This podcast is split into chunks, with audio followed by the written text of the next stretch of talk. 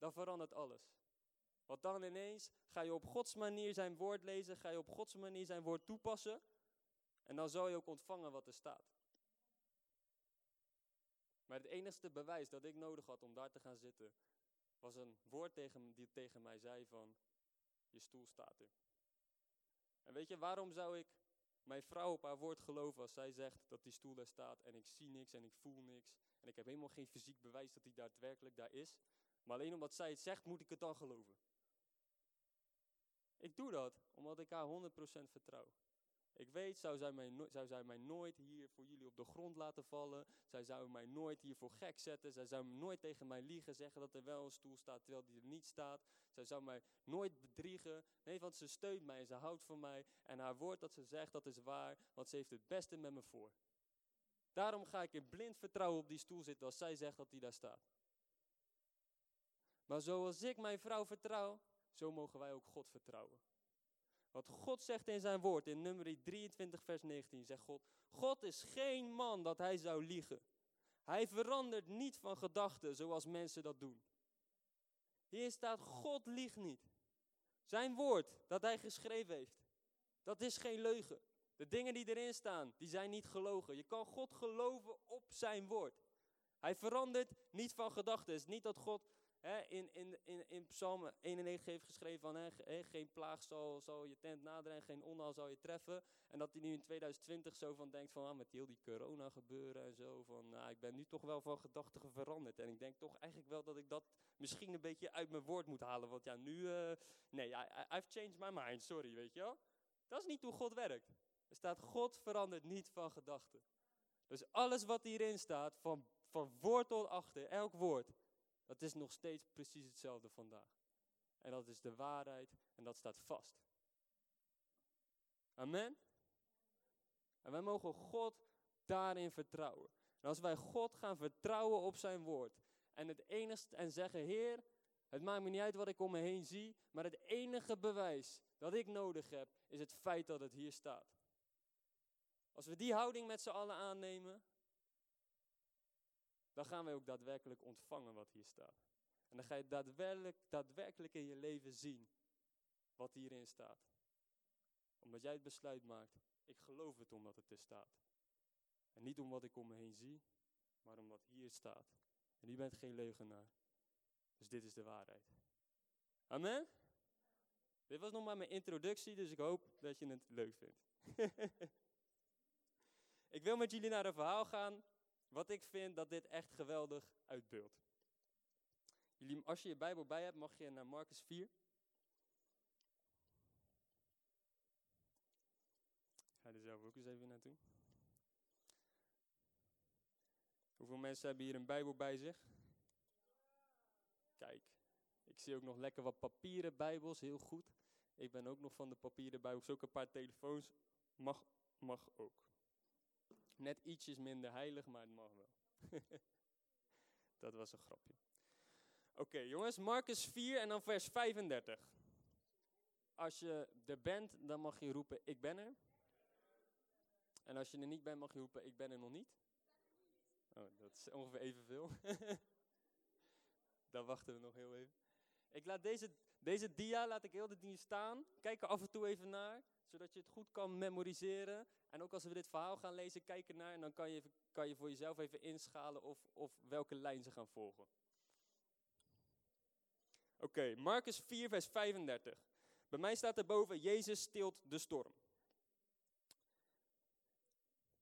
En op die dag, toen het avond geworden was, zei hij, dat is Jezus, tegen hen, laten wij overvaren naar de overkant.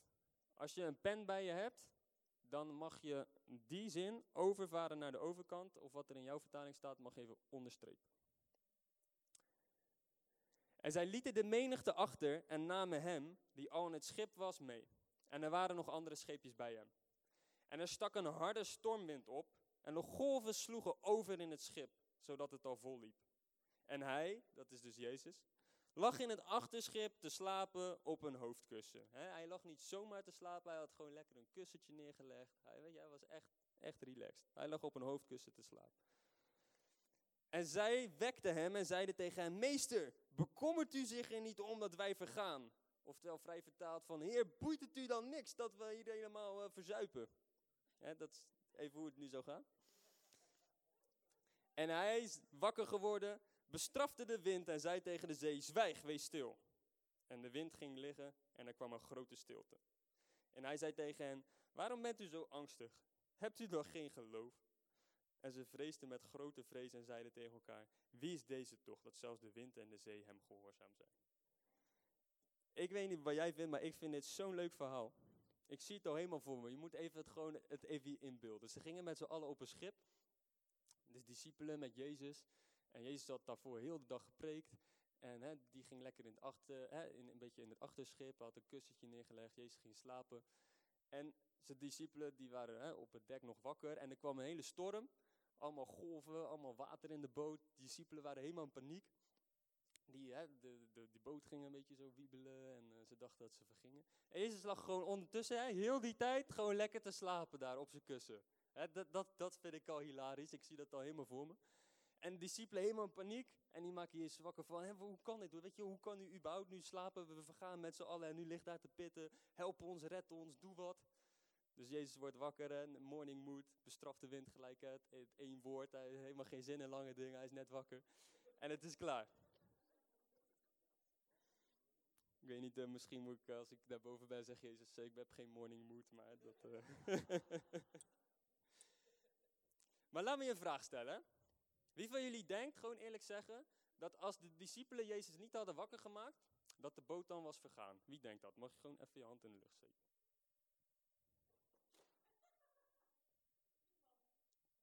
Eén hand, voorzichtig, nog een hand. Ja? Zijn er nog meer mensen die denken van, als die discipelen Jezus niet hadden wakker gemaakt, hè, dan waren ze verzopen en was hè, de Bijbel klaar. Stopte er daar. Hij kwam Jezus terug in de hemel was het, ja jongens, pech gehad, uh, is niet gelukt, je bent verzopen. Hoeveel handen? Zou best kunnen. Drie? Oké, okay. drieënhalf. Drieënhalve hand, oké. Nee, maar dat is best wel een reële vraag, toch? Als je dit verhaal leest. Ja, wat nou als die discipelen Jezus niet hadden wakker gemaakt? Wat dan? Hey, en, en wie denkt Even gezien net. Wie denkt dat de discipelen handelden vanuit dit patroon, vanuit godsgeloof? Wie denkt dat? Ze gingen naar Jezus toe toen het stormde, weet je wel. Ja. ja. En wie denkt dat de discipelen meer een beetje handelden vanuit hè, het wereldsgeloof? Hè? Ze zagen, oeh kijk, zo, voor mij is mijn boodschap overgekomen. Hoor. Nee, die discipelen die waren heel erg gefocust op wat ze zagen. ze zagen de stormen, ze zagen de wind, ze zagen het water binnenkomen, dus ze waren helemaal in paniek. ze dachten dat ze vergingen, dus ze gingen Jezus wakker maken. En het leuke van dit verhaal vind ik, dat Jezus eigenlijk helemaal niet tegen hen zegt van, hé, sorry, ik was aan het slapen, goed dat jullie me hebben wakker gemaakt, want ja, anders hadden we echt wel een probleem gehad, want ik kan gewoon die, die wind stoppen, dus thanks voor het wakker maken. Dat zie je niet. Eigenlijk, eigenlijk is Jezus helemaal niet zo van, Weet je wel, goed dat je naar mij toe komt in je storm. vaak wordt, zo, wordt een verhaal op die manier uitgelegd van je storm, ga naar Jezus. Maar Jezus is helemaal niet zo van, goede keus. Jezus is meer van, waarom hebben jullie geen geloof? Dus dat vind ik leuk, want hij, hij bestraft hen eigenlijk op het feit dat ze dus ongelovig zijn. En dat zat er mij aan denken en zei, waar, weet je wel, hoe kan dat nou? Wat ik zei, de discipelen waren heel erg gefocust op op wat ze zagen om hen heen in de wereld en waren daardoor angstig en in paniek. Jezus was in de rust, die was aan het slapen. Als de discipelen Jezus niet hadden wakker gemaakt, dan was de volgende ochtend rond een uurtje of zeven, waren ze aan de overkant aangekomen, was Jezus uit de boot gestapt, helemaal fris en fruitig en zag die twaalf discipelen met doorlopen ogen en wallen en helemaal kapot zijn. En dan was Jezus uitgestapt en was de dag weer verder gegaan. Zeg tegen mij, Timo, hoe kan je dat zo zeker weten? Ik weet dat 100.000 procent zeker, omdat Jezus zei aan het begin van het verhaal, hij zei, laten wij overvaren naar de overkant. Jezus had al gesproken, had het woord al gezegd, we gaan overvaren naar de overkant. Hij zei niet, we gaan in een boot stappen en we gaan lekker even een stukje varen en we zien wel waar we uitkomen. Hij zei niet van, hè, we gaan, eh, ik heb zin om te varen, hè, hopen dat er geen storm komt, want anders vergaan we misschien. Nee, hij zei, we gaan overvaren naar de overkant. Dus hij zegt al twee keer dat ze bij de, aan de overkant zullen aankomen. Jezus sprak het woord van God. God heeft al gesproken, helemaal aan het begin voor de storm, dat ze naar de overkant zouden gaan. En Jezus was vol geloof. Jezus was vol vertrouwen in God. En daarom kon Jezus rusten en slapen in een storm. Weet je wel, slapen is de diepste vorm van rust. Als je onrustig bent, kan je niet slapen. Laat staan in een storm. Hij was volledig rustig. Waarom? Omdat Jezus volledig geloofde in het woord van God. Hij keek niet naar de omstandigheden, hij keek niet naar de golf, hij keek niet naar de wind. Weet je, het maakte niet uit hoe hard de wind braaide, het maakte niet uit, uit hoeveel orkanen er kwamen of hoeveel tornado's of hoeveel water in de boot was. Het maakte Jezus niks uit, want hij wist, God heeft al gesproken dat we aankomen in de overkant. Dus ik kan hier gaan rusten, want wat er ook gebeurt, ik kom daar aan. Als je vol geloof bent, ben je altijd in de rust. Wandelen in geloof is wandelen in de rust. Waarom? Je weet al dat wat, wat, weet je wel, je weet al wat er gaat gebeuren. Het staat al vast, hetgeen dat gaat gebeuren. Want God heeft het gesproken. En daarom zei Jezus tegen de discipelen dat ze ongelovig waren. Waarom? Dat de discipelen het exact hetzelfde woord van God hebben gehoord als Jezus. De discipelen hebben ook gehoord dat ze gingen overvaren naar de overkant. Alleen de discipelen lieten zich afleiden door alles wat ze om zich heen zagen. En begonnen te geloven in wat ze zagen in plaats van geloven in het woord van God. Maar Jezus niet. Jezus bleef vol in geloof staan. Hij kon daardoor rusten. Want hij wist, als God het zegt, dan gebeurt het. Weet je, en dat is de tijd waarin we leven vandaag. Weet je, er gaat hier een storm door Nederland. En het maakt mij niet uit hoeveel golven er nog komen. We zitten voor mij in de tweede golf nu. En misschien komt er nog wel een derde golf. Het maakt niks uit. Want Jezus heeft al gesproken. Jezus heeft gezegd, ik bouw mijn kerk en de poorten van de hel kunnen haar niet overweldigen. Jezus heeft gezegd, het pad van de rechtvaardige, zoals het licht van de ochtendzon, die gaat, gaat helderder schijnen gedurende de dag. Het pad van de rechtvaardige gaat alleen maar omhoog. Je zal van glorie naar glorie gaan. Het zijn allemaal woorden die God spreekt in, in, in zijn woord. Het zijn allemaal dingen die je in de Bijbel terug kan vinden. En het staat daar. En God liegt niet. En God verandert niet van gedachten. Dus het staat vast. Dus het maakt niet uit wat je daar buiten ziet.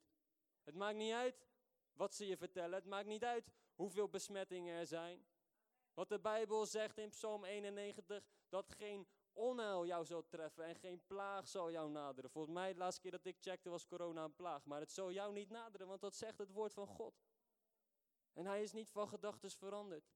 Dus wij hoeven niet angstig te zijn, wij hoeven niet bang te zijn voor de dingen die we zien. Nee, wij mogen net als Jezus vasthouden aan het woord van God en daarin rusten en daarin zeker weten dat het goed komt. En daarin weten dat, dat we ook de autoriteit hebben om er iets aan te doen.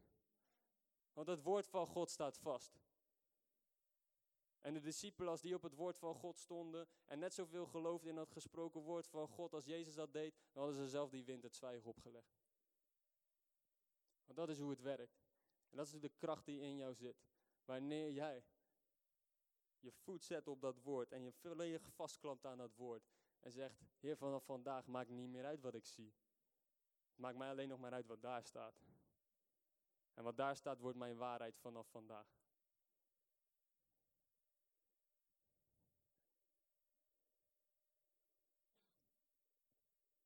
Weet je, ik weet niet waar jullie allemaal nu zijn in je leven of wat er allemaal om je heen gebeurt. we weten natuurlijk allemaal van wat er allemaal op het nieuws verteld wordt met uh, al die corona-dingen. Maar ik weet niet wat, wat, waar jij zelf doorheen gaat in je familie, op school, wat dan ook. Dus toen ik voor deze preek aan het bidden was, en Marije mag gaan spelen, toen vroeg ik God van, Heer, wat, hè, wat kan ik ze nou echt meegeven? Wat kan ik nou echt van nu uit u spreken? Een woord waar zij zich aan vast kunnen gaan klampen. Zoals u zich vastklampte in die storm aan dat woord van we gaan overvaren naar de overkant, waardoor u rust had in die storm. Wat kan ik jullie vandaag meegeven, waarin jullie je aan vast kunnen klampen, waar je ook doorheen gaat? Weet je wat, maar ik weet niet waar je doorheen gaat, ik hoef dat ook niet per se te weten, om wel een woord van God voor jullie te hebben waar je je kan vasthouden in die situatie. Dus ik vroeg aan God, Heer, van al die woorden die u zegt in de Bijbel, van al die, die, die, die, die, die dingen die u ons belooft, wat mag ik ze meegeven? En God gaf mij de specifieke tekst. Die staat in Gelaten 2, vers 20. En daarin staat: Ik ben met Christus gekruisigd en niet meer ik leef, maar Christus leeft in mij. Als je die tekst opzoekt, dan mag je dat laatste stuk van mij highlighten, onderstrepen. Doe ermee dat het in ieder geval duidelijk wordt. Zet de uitroeptekens achter. Christus leeft in mij. Jezus leeft in mij. Jezus leeft in jou. Later staat nog in 2 Korinthe 11 vers 10. Zo zeker als de waarheid van Christus in mij is. Dan staat er, zo zeker is die waarheid dat Jezus in mij is. Zo zeker. Er is niks zekerders dan dat. Dat Jezus in mij is. Zo zeker is die waarheid. Dus het wordt nog bevestigd hoe waar dit is.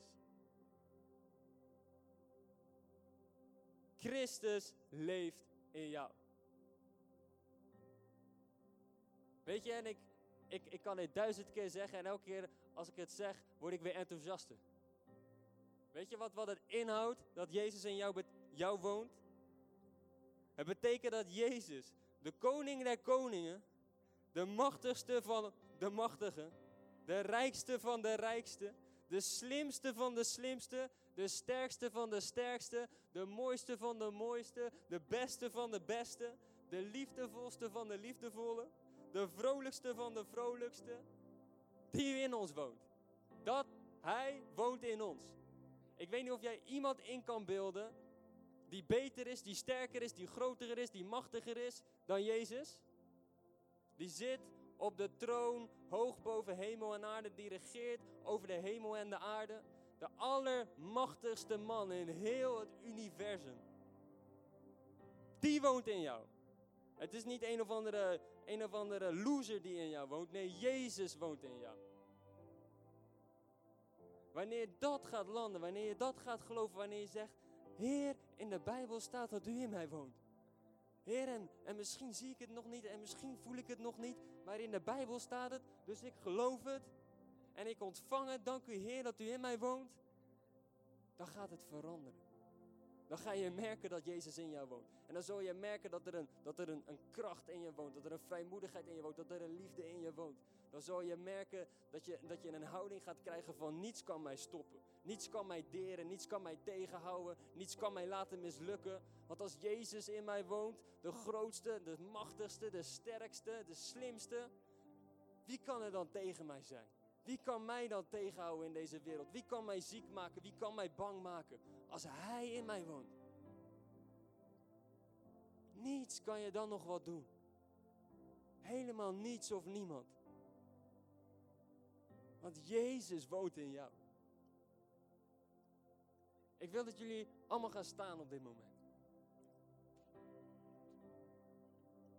Want weet je, de Bijbel is heel simpel. Er staat in Romeinen 10, vers 10. Geloof komt door het horen en het horen van het woord. Jullie mogen je, je mondkapje even nog afdoen, want we gaan geen liedjes zingen. Dus dan mag het volgens mij. Er staat geloof komt door het horen en het horen van het woord. Jullie hebben nou het woord gehoord vanuit mij. En nu wordt het tijd dat jullie het woord gaan horen vanuit je eigen mond. Want weet je, zoals ik zei, ik kan het duizend keer zeggen, Jezus in mij. Jezus woont in mij. En elke keer als ik het zeg, word ik het enthousiaster. Dus wat we gaan doen, jullie gaan mij nazeggen. En we gaan het zeggen net zolang totdat ik voel dat jullie het geloven. En dan staan we hier heel de nacht, we gaan het zeggen. dus zeg mij nou, 3, 2, Jezus woont in mij. Zeg, Jezus woont in mij. Zeg, Jezus woont in mij. Zeg het alsof je het gelooft. Jezus woont in mij. Zeg het tegen corona. Zeg, Jezus woont in mij. Zeg het tegen die leraar op school die altijd zegt dat je het niet kan. Zeg het. Zeg het tegen die vrienden die je pesten. Zeg het. Zeg het, zeg het, tegen, zeg het tegen de duivel. Zeg het, Jezus woont in mij. Zeg het. Zeg het gewoon omdat het leuk is. Zeg het. Zeg het nog één keer met alles wat in je is. Halleluja, voelen jullie dat? Voelen jullie dat? Ik zie allemaal glimlach op al jullie gezichten. Ik zie dat, weet je wel, dat, dat is niet zomaar. Je wordt blij van dat. Je wordt blij van het feit dat je weet dat Jezus in jou woont. En ik wil je uitdagen, elke ochtend, elke dag dat je wakker wordt, begin je dag gewoon met dit zeggen. En aan het begin zou je het misschien twintig keer tegen jezelf zeggen in de spiegel. En op een gegeven moment dan zeg je het één keer en dan sta je al te stuiteren. Maar ik wil je uitdagen, blijf dit zeggen.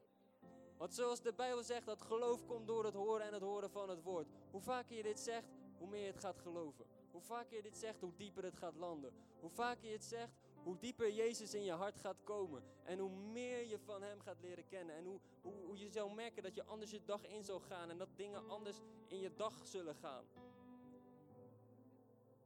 Gaan jullie dat doen? Gaan we dat doen met z'n allen? Jezus woont in mij. Halleluja. Ga nooit die quote vergeten. Amen. Jullie mogen nog heel even